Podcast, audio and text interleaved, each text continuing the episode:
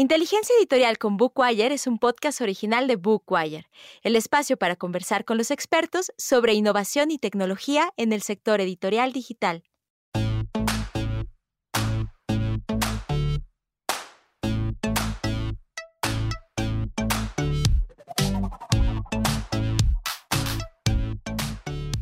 Hola, bienvenidas y bienvenidos a un nuevo episodio de Inteligencia Editorial con Bookwire. Soy Julia Plada Llorens y hoy os saludo desde Barcelona. Os cuento que hoy tenemos una invitada 360 grados. Ella es escritora, editora, sus libros son un éxito en todos los formatos. Se ha situado en el top de ventas en formato físico, ebook y audiolibro. Así que ya os imaginaréis de qué va el tema de hoy, ¿no? Exacto, es la simultaneidad de contenidos de un mismo catálogo. Para empezar, quiero explicaros a qué nos referimos con lanzamiento simultáneo o multiformato. Un lanzamiento simultáneo es aquel que se realiza en uno o más formatos a la vez para que el público lector pueda decidir desde el primer día cómo quiere acercarse a esa obra. Y os preguntaréis, ¿por qué es tan importante? Pues porque la simultaneidad, primero, respeta las preferencias de consumo de la audiencia al facilitar que un mismo título esté en formato digital, sonoro e impreso desde el minuto uno. Y en segundo lugar, lanzar un título en multiformato lo convierte en preferente para el algoritmo de muchos canales, que mostrarán a más clientes la obra y propiciará un mejor posicionamiento en las búsquedas. De hecho, hay un dato muy interesante que es que un libro publicado el mismo día en todos los formatos obtiene de media el 25% más de facturación que un libro publicado en papel y digital en diferentes fechas. Bueno, dicho esto, ahora le quiero dar la bienvenida a Elena Bazán, quien está al otro lado del charco en México y quien nos acompañará en la conversación con nuestra experta invitada del día de hoy. Hola Elena, ¿qué tal? Hola querida Julia, ¿cómo estás? Muy bien, ¿y tú? Yo encantada de estar aquí en un episodio más de Inteligencia Editorial con Bookwire y muy entusiasmada por escuchar a Angie Sky, pero primero quiero retomar un dato porque a mí me parece que deberíamos prestar muchísima atención. Tú nos acabas de decir que un libro publicado el mismo día en todos los formatos tiene en promedio un 25% más de facturación que un libro publicado en papel y digital en fechas distintas. Entonces, a mí me parece que aquí tendríamos que prestar mucha atención con el tema de la simultaneidad. Exacto, así es, pero ¿cómo puede un editor adaptar un mismo título a todos los formatos?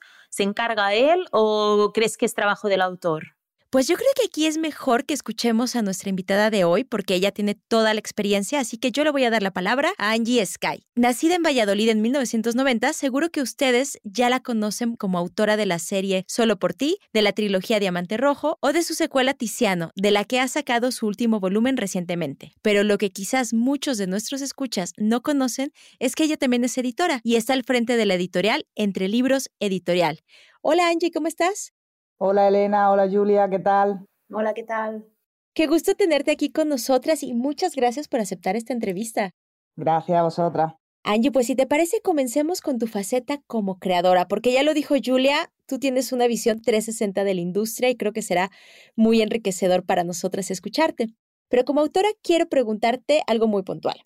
Cuando tú estás pensando en la historia de una de tus novelas, ¿cómo te imaginas que quedará trasladada al audio o tú escribes pensando en una lectura en papel sin pensar en otros formatos? ¿Cómo es tu proceso creativo? Hombre, cuando yo empiezo con un libro siempre suele ser pensando en el, en, el papel, ¿no? Bueno, en el papel, en el digital, en fin. Yo creo que lo más importante es es lo que le traslade al lector cuando, cuando él lo, lo, lea, lo escuche, lo toque en físico. O sea, que en realidad no, como creadora no pienso mucho en cómo se quedará, pero luego, mm, sobre todo por el formato de audiolibro, pero sí es verdad que después te sorprende, ¿eh? porque mm, muchas veces ahora, por ejemplo, con Tiziano, que es cuando se ha hecho el multiformato de lanzamiento, escuchándolo después, pensaba y decía, madre mía, eh, mm, sobre todo me pongo mucho en la piel de, de los actores de doblaje, el que estarán sintiendo cuando estén leyendo el libro, si puede ser su género, si no, si qué pensarán. Yo, por ejemplo, siempre digo que soy muy mal hablar y en estos últimos, en concreto, la trilogía de Tiziano, algunas veces eh, mi, directora me decía, madre mía, madre mía, este hombre y esta mujer cuando estén haciendo el personaje de Tiziano,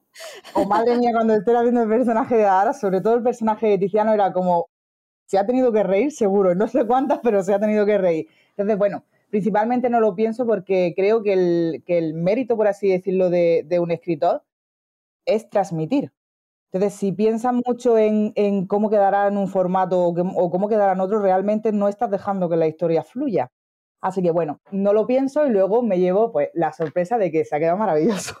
Oye, pero entonces, ¿has tenido que hacer algún proceso como de, conversación o de adaptación con tus, con los lectores del audiolibro? O, ¿O se fueron solitos por la libre y lo solucionaron por su cuenta? ¿Cómo fue esta parte?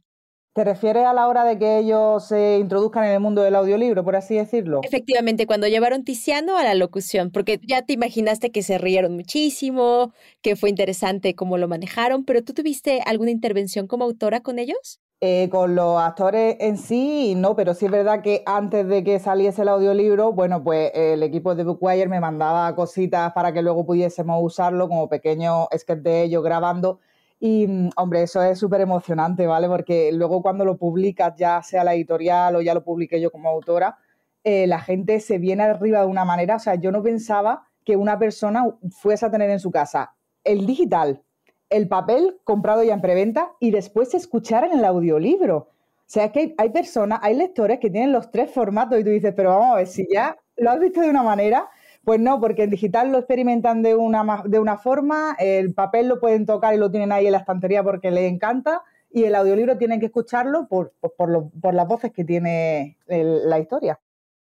Maravilloso, enhorabuena. Y no dudo que estén súper emocionados y ya esperando otros formatos de audio de tus títulos. Y bueno, esta es la parte de creadora. Pero ahora, ¿qué tal si hablamos de ti como editora de Entre Libros Editorial? Muy bien. En Bookwire nosotras ya sabemos del éxito de tu experiencia con la simultaneidad del catálogo y estoy segura de que otros editores apreciarán muchísimo tu recorrido. Así que quiero preguntarte si tú aplicas lanzamientos simultáneos en todo tu catálogo o si es algo excepcional. O sea, siempre es papel ebook eh, o siempre es papel ebook audio o se vuelve algo excepcional con algunos títulos. ¿Cuál es tu criterio como editora? Normalmente eh, suele ser algo ya no excepcional. Creo que a partir de este año hacia atrás hemos empezado ya a intentar hacer siempre los tres formatos. El mundo cambia, nosotros tenemos que adaptarnos. Esto pasa un poco como, anteriormente cuando solamente se leía en papel. Yo recuerdo el día que llegó el ebook, que todos nos llevamos las manos a la cabeza como, madre mía, ¿quién va a leer en ebook? No, no, el ebook no, que el papel ha sido siempre. No, mentira. Terminamos adaptándonos a ese, a ese ebook. ¿Qué pasó? Eh, después del ebook llegó el audiolibro y yo creo que ahora estamos en un proceso en el que hay que adaptarse también al, audiolibro y a la gente le gusta porque cada vez tenemos menos tiempo. Entonces, Dentro de la editorial sí es verdad que a raíz de este año hay muchos libros que ya tenemos preseleccionados, por así decirlo, para, utilizar el formato audiolibro y, por supuesto, para los nuevos lanzamientos que sean en, en triple formato, perdón, porque es súper importante. Es que si no crecemos y no si no crecemos y nos ponemos en la situación de cómo tenemos la industria ahora mismo, al final nos vamos retrasando. Hay muchísimas editoriales, por ejemplo, que anteriormente no, anteriormente te hablo de hace poquitos años, decían no publicar en digital por el simple hecho de, que podrían piratearse los libros. Eso es un error. Cuando tú sacas un libro, yo he llegado a ver versiones pirateadas de libros en papel que no existen en digital. O sea, las personas mismas que lo piratean se dedican a transcribirlo. Es una tontería. Entonces, si el mundo avanza, lo mejor es, pues en este caso, ahora estamos papel, digital, eh, o sea, ebook, perdón, audiolibro, lo suyo sería que los completáramos todos, porque eh, es lo que digo, con el poco tiempo que tenemos, cada vez vamos más rápido y yo mismamente me pongo de ejemplo con mi trabajo, con, mi otro trabajo, con, los libros, mm, apenas puedo detenerme a, sentarme con un libro y decir, voy a, tomar una lectura. Es, muy contada ocasión. Entonces, ¿qué hago? Mientras camino voy escuchando un audiolibro, mientras cocino voy escuchando un audiolibro, siempre intento rellenar esos huecos con el audiolibro y yo creo que lo podemos conseguir. O sea, es que yo veo que es una forma, aparte de adictiva, porque aunque al principio digamos, no, porque se me pierde la historia, nos va a pasar en los dos primeros audiolibros, pero después va a ser como si estuviéramos leyendo un libro en papel. Además, tú lo has dicho y cito aquí a la editora Angie Sky que dice, nosotros tenemos que adaptarnos a cómo está evolucionando la industria y entrar a la simultaneidad de formatos. Y Angie, desde que estáis aplicando el multiformato, ah, ¿habéis notado un incremento de ventas eh, cuando un libro ha sido publicado en el mismo momento en, físico, digital y audio? Eh, sí, claro, sí. Además, eh, es por lo que comentaba antes, no es evidente que el que no pueda comprárselo en papel, no sé, muchas veces no tenemos hueco en la estantería, muchas veces económicamente ya sabemos cómo está ahora mismo el papel y cómo ha subido Entonces hay mucha gente que no se lo puede permitir y se pasa directamente al formato digital o en este caso al audiolibro. Creo que tenemos tres fuentes completamente distintas donde cada uno puede elegir lo que le, lo que le compensa, lo, que le compensa, perdón, lo que le conviene o, o, la manera en la que quiere escucharlo. Entonces sí, sí que, sí que se nota muchísimo porque creo que a partir de eso ya tenemos una parte para no perder esas ventas de a lo mejor una persona que no puede comprarse el libro en papel. Claro. Oye, y yo voy a regresar al tema de audio, Angie, porque me interesa muchísimo tu experiencia. Y ahora que si bien los editores tienen mucho más claro el tema de la simultaneidad y nos parece un poco obvio o más común que la simultaneidad en papel y digital están súper asimiladas, no sucede lo mismo con el audio porque, bueno, ya sabemos que tiene otras complejidades. ¿Nos puedes contar tú con cuánta antelación planeas la producción para salir en simultáneo? Y también me gustaría mucho saber si es muy disímil del proceso de los materiales escritos cuando lo pasas ya para entrar al audio.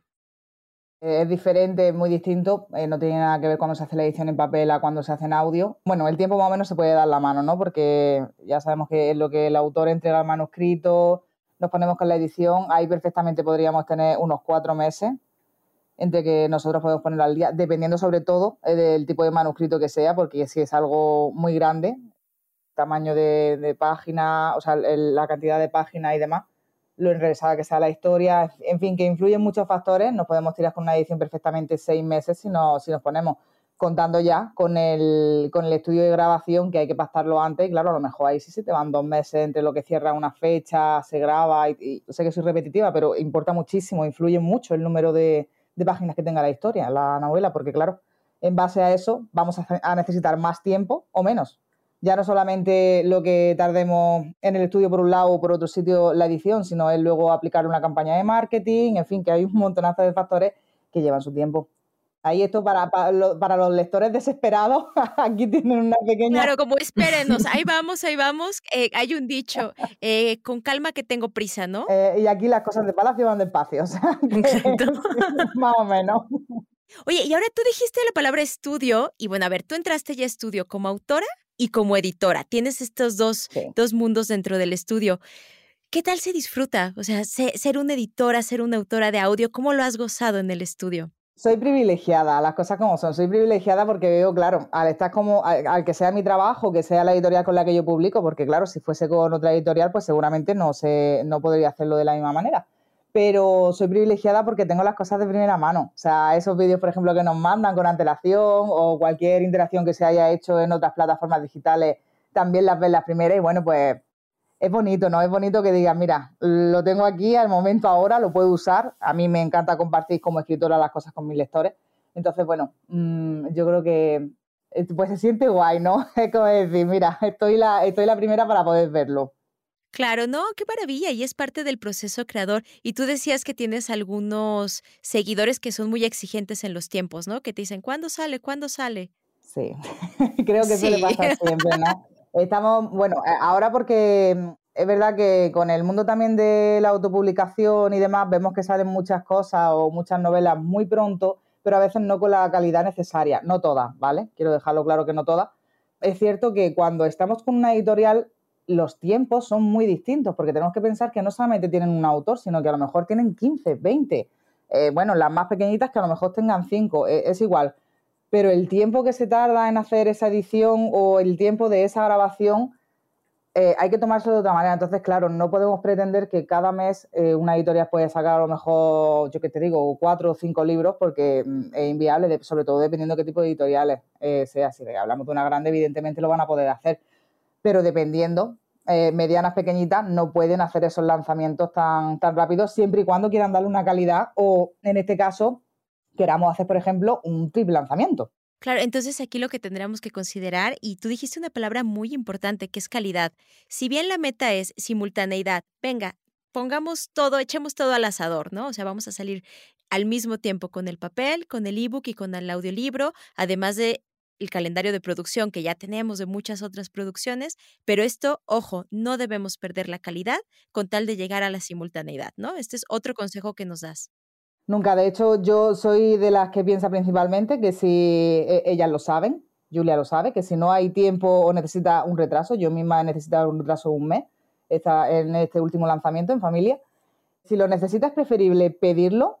Yo creo que no hay ningún problema, ¿no? Que se, que se, pero que las cosas salgan bien, porque las prisas no son buenas nunca. Entonces, siempre que, que haga falta un poquito más de tiempo, a todos nos pueden surgir imprevistos y por gracia o por desgracia no contamos en la vida en nuestra agenda, o por lo menos yo no cuento nunca con que puedo ponerme mala, con que me puedo resfriar, en fin, con que pueden pasar cosas. Claro, estas cosas de mortales que no podemos permitirnos. Nosotros pensamos que exactamente, que somos inmunes, que aquí no va a pasar nada. No, existen. Entonces, claro, cuando llegan, pues sigo diciendo que si hay que aplazar un poquito es preferible a no hacer las cosas deprisa y que salgan mal.